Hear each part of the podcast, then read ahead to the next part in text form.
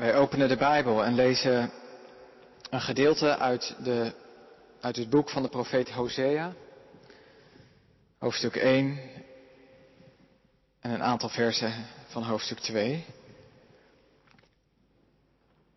Hosea 1. Dit zijn de woorden die de Heer richtte tot Hosea, de zoon van Beeri, toen Uzia, Jotam, Achas en Hiskia in Juda regeerden. En Jerobiam, de zoon van Joas, koning was in Israël. Zo begon de Heer te spreken tegen Hosea. De Heer zei tegen hem, trouw een overspelige vrouw en verwek kinderen bij haar. Want het land maakt zich schuldig aan overspel door zich van de Heer af te keren. Daarop trouwde Hosea met Gomer, de dochter van Diblaim. Zij werd zwanger en baarde hem een zoon. En de Heer zei tegen Hosea, noem hem Jezreel, want binnenkort zal ik het koningshuis van Jehu ter verantwoording roepen voor de moorden bij Jezreel en een einde maken aan het koningschap in Israël. Op die dag zal ik Israëls wapentuig breken in de vallei van Jezreel. Gomer werd opnieuw zwanger en baarde een dochter. Toen zei de Heer tegen Hosea, noem haar Lo want ik zal me niet nog eens over het volk van Israël ontfermen, alsof ik hun steeds zou moeten vergeven. Maar over het volk van Juda zal ik me wel ontfermen. Ik, de Heer, hun God, zal hem bevrijden door mijn macht, niet door het geweld van boog en zwaard of door paarden en ruiters. Toen Gomer Lo niet langer de borst gaf, werd ze weer zwanger en baarde een zoon. Toen zei de Heer, noem hem Lo-Ami, want jullie zijn mijn volk niet meer. En ik zal er voor jullie niet meer zijn. Maar eens zullen de kinderen van Israël talrijk zijn, als zandkorrels aan de zee, die niet te meten en niet te tellen zijn. En waar tegen hen gezegd is, jullie zijn mijn volk niet meer, zullen ze weer kinderen van de levende God worden genoemd. Dan zullen de kinderen van Juda en de kinderen van Israël weer bijeenkomen en één leider aanstellen. Op de dag dat God zelf zal zaaien, op de grote dag van Israël, zullen ze uit de aarde opschieten dan noemen jullie je broeders weer Ami en je zusters weer Rogama. Tot zover de lezing uit het woord van God. Gemeente van Jezus Christus, gasten in ons midden. In zijn indrukwekkende boek De Profeten stelt rabbijn Abraham Joshua Heschel de vraag: wat voor mens is een profeet? En hij schrijft dan onder andere dit. De profeet is betrokken bij zijn volk in wat door zijn woorden wordt aangekondigd. Dat is het geheim van de stijl van de profeet. Zijn leven en zijn ziel staan op het spel bij wat hij zegt en bij wat er gaat gebeuren met wat hij zegt. Een profetische toespraak is geen communiqué van feiten. We krijgen geen objectieve kritiek te horen of een koude proclamatie van onheil. Nee, de profeet gaat in op Gods persoonlijke motieven. Hij laat een goddelijk pathos zien. En niet alleen een goddelijk oordeel. De profeet leeft niet alleen zijn eigen leven, maar ook het leven van God. Hij hoort de stem van God en voelt diens hart. De bladzijden van de profetische boeken staan vol met echo's van goddelijke liefde en teleurstelling, genade en verontwaardiging. De God van Israël is nooit onpersoonlijk. Wie het boek Hosea leest, die merkt hoe waar die woorden van Heschel zijn. Als er één profeet met heel zijn leven en ziel wordt meegesleept in het drama tussen God en mensen, ja, dan is het Hosea wel. Tot in het intiemste deel van zijn leven raakt hij erin betrokken. Wat zal er door Hosea zijn heen gegaan toen hij door God geroepen werd om te trouwen met een prostituee? De profeet leeft niet alleen zijn eigen leven, maar ook het leven van God. In zijn huwelijk moet Hosea duidelijk maken hoe het ervoor staat in de verhouding tussen God en zijn mensen, tussen God en Israël. Het huwelijk van Hosea krijgt iets van een gelijkenis. En ja, dan wordt eigenlijk pas goed duidelijk hoe verstoord de relatie is. Want de ontrouw van Hosea's echtgenoot weerspiegelt de ontrouw van Israël. Zoals zijn vrouw keer op keer vreemd gaat, zo loopt Israël steeds weer andere goden achterna. En God is als een gekwetste echtgenoot die het niet kan hebben dat zijn geliefde hem in de steek laat en inruilt voor andere minnaars. En toch, toch moet Hosea ook duidelijk maken dat God van Israël houdt. Dwars door alle ontrouw heen. Zelfs al wordt het huwelijk door de ander compleet geruineerd en, en wordt het daardoor haast een onmogelijke liefde, toch geeft God zijn liefde voor zijn bruid niet op. De profeet Hosea, die voornamelijk optrad in het noordelijk tienstammenrijk, leeft in geestelijk gezien sombere tijden. Het zijn namelijk de dagen van koning Jerobeam. Die naam die belooft niet veel goeds. Die naam doet namelijk terugdenken aan die andere Jerobeam, de eerste koning van het tienstammenrijk. De koning die ongeveer alles deed wat kwaad was in de ogen van de Heer. Het zal wel niet toevallig zijn dat hier in het opschrift alleen die naam Jerobiam wordt genoemd als koning van het Noordelijk Rijk. De Bijbelschrijver wil daarmee zeggen, deze tweede Jerobiam is niet veel beter dan zijn voorganger. Als hij op dezelfde weg doorgaat als zijn naamgenoot, dan zou hij wel eens de laatste koning van Israël kunnen worden. En zo staat dit gedeelte van meet af aan in een donker en dreigend perspectief. Overigens gaat het Israël onder het bewind van Jerobiam economisch voor de wind. Er is welvaart en overvloed. En als je er oppervlakkig tegen aankijkt, ja, dan is er weinig aan de hand. De mensen hebben niet door dat het geloof in God langzaam afbrokkelt. Dat er diep van binnen een proces van van innerlijke secularisatie plaatsvindt. Men is verliefd geworden op allerlei andere goden. Goden waar God hen nu juist van had bevrijd. Men heeft de God van Israël ingeruild voor de Baal. De God van de vruchtbaarheid, van de welvaart en de seksualiteit. Het geloof is een soort van compromis geworden. Met de mond zegt men, God te beleiden en te volgen. De offers worden nog wel gebracht, de godsdienst draait nog door. Maar in de praktijk is men verslingerd geraakt aan allerlei andere goden. Met God wordt omgegaan als een soort baal. God moet zorgen voor eten en drinken, voor welvaart en overvloed. En om Gods liefde is men niet verlegen. Ik denk dat je moet zeggen, je hebt profeten nodig om zo'n geloofscrisis bloot te leggen. En Hosea doet dat op een weinig orthodoxe wijze. De Heer zei tegen hem, trouw een overspelige vrouw en verwek kinderen bij haar, want het land maakt zich schuldig aan overspel door zich van de Heer af te keren. In het huwelijk met een overspelige vrouw wordt op ongeëvenaarde wijze helder hoe de werkelijkheid er van God uitgezien voorstaat.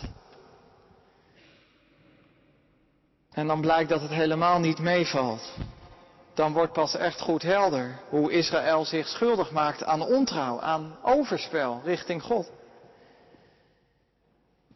Eeuwen geleden had God bij de Sinaï met Israël een verbond gesloten, een huwelijk. Hij heeft zich met hart en ziel aan hen verbonden. Plechtig had God trouw beloofd aan zijn partner. En Israël had op haar beurt beloofd trouw en toegewijd met haar God te leven. God had al zijn liefde aan zijn volk gegeven. En natuurlijk verwachtte hij dat zijn liefde beantwoord zou worden. Maar wat is hij daarin vaak teleurgesteld? God voelt zich bedrogen.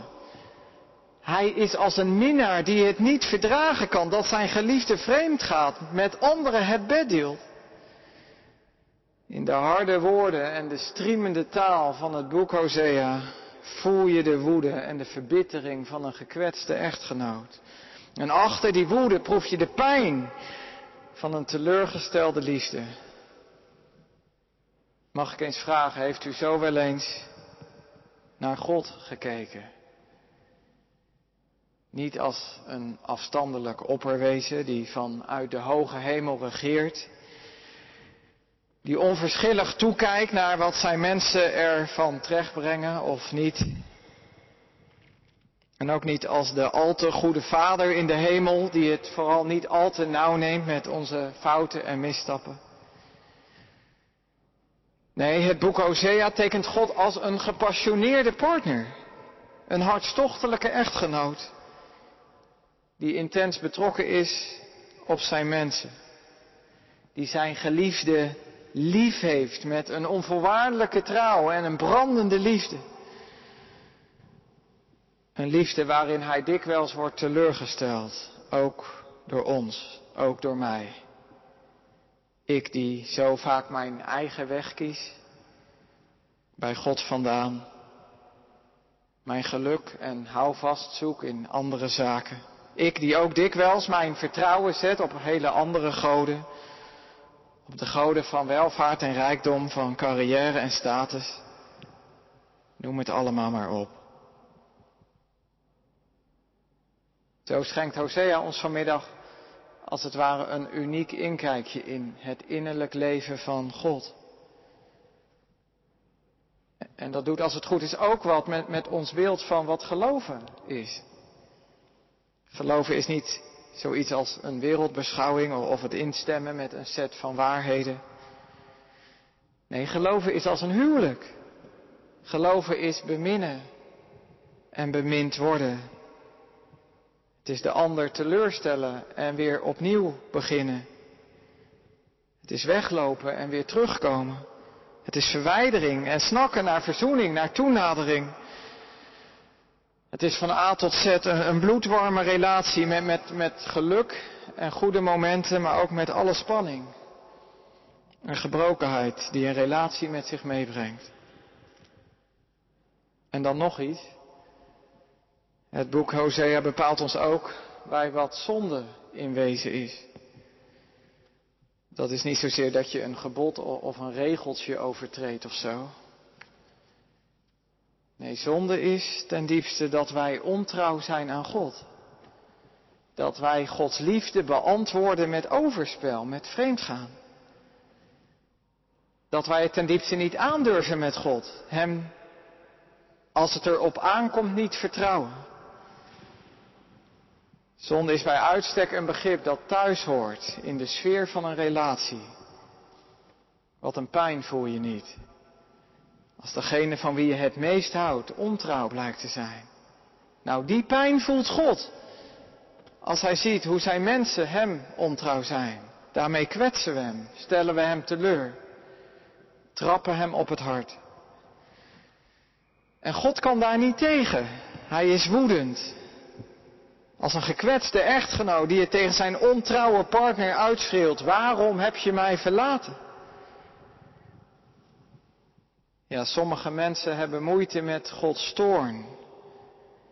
Maar weet u, Gods toorn is niet anders dan een uiting van zijn gekwetste liefde.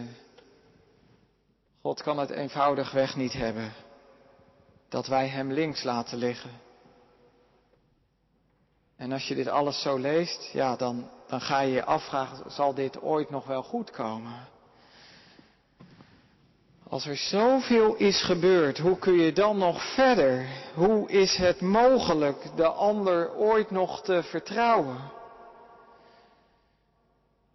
Nou ja, dat punt lijkt God hier met Israël ook bereikt te hebben. Het is niet voor niets dat Hosea moet trouwen met een vrouw die Gomer heet. Dat betekent zoveel als de maat is vol. En zo is het ook. God heeft er genoeg van. De maat is vol. Als het volk nu niet terugkeert naar zijn partner, ja, dan loopt dit uit op een scheiding. Dat geeft aan die woorden van Hosea ook zoveel klem en urgentie. Het is nu of nooit. Het is erop of eronder voor Israël. In het vervolg van dit hoofdstuk klinken er onheilspellende namen. Het zijn de namen van de kinderen van Hosea en Gomer. Allereerst wordt er een zoon geboren. Hosea moet hem de naam Jezreel geven. In eerste instantie klinkt dat nog hoopvol. God zaait betekent dat. Maar de naam Israël blijkt hier vooral een herinnering te zijn aan het bloedbad dat Jehu ooit aanrichtte. Via de profeet Elisa had Jehu de opdracht gekregen om heel het huis van Agab uit te roeien, inclusief alle profeten van Baal. Maar in plaats van het hele land te zuiveren van afgoden, handhaaft Jehu de stierkalfcultus. En hier in Hosea wordt duidelijk dat hem dat duur komt te staan. God zal een einde maken aan dat koningschap van Jehu en zijn nakomelingen. En het wordt nog erger. God zal een einde maken aan heel het koningshuis van Israël. Bovendien zal hij het wapentuig van Israël, een aanduiding voor de gehele legermacht vernietigen, breken. Dan raakt Gomer opnieuw zwanger. Tussen de regels door krijg je sterk de indruk dat dit kind niet van Hosea is, maar geboren is uit overspel. Het is een dochter die Hosea de naam Lo moet geven. Geen ontferming over haar betekent dat. Een bizarre naam voor een kind dat toch bij uitstek voorwerp van zorg en liefde behoort te zijn. Geen ontferming over haar. Het woord voor ontferming dat hier wordt gebruikt duidt op de affectieve band tussen moeder en kind.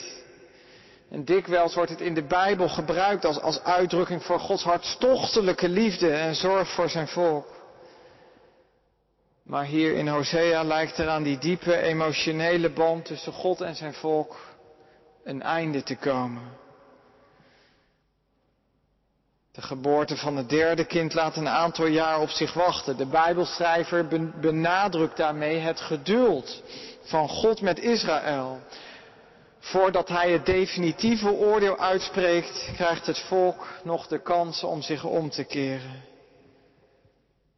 Te vergeef blijft God hopen dat zijn liefde beantwoord wordt.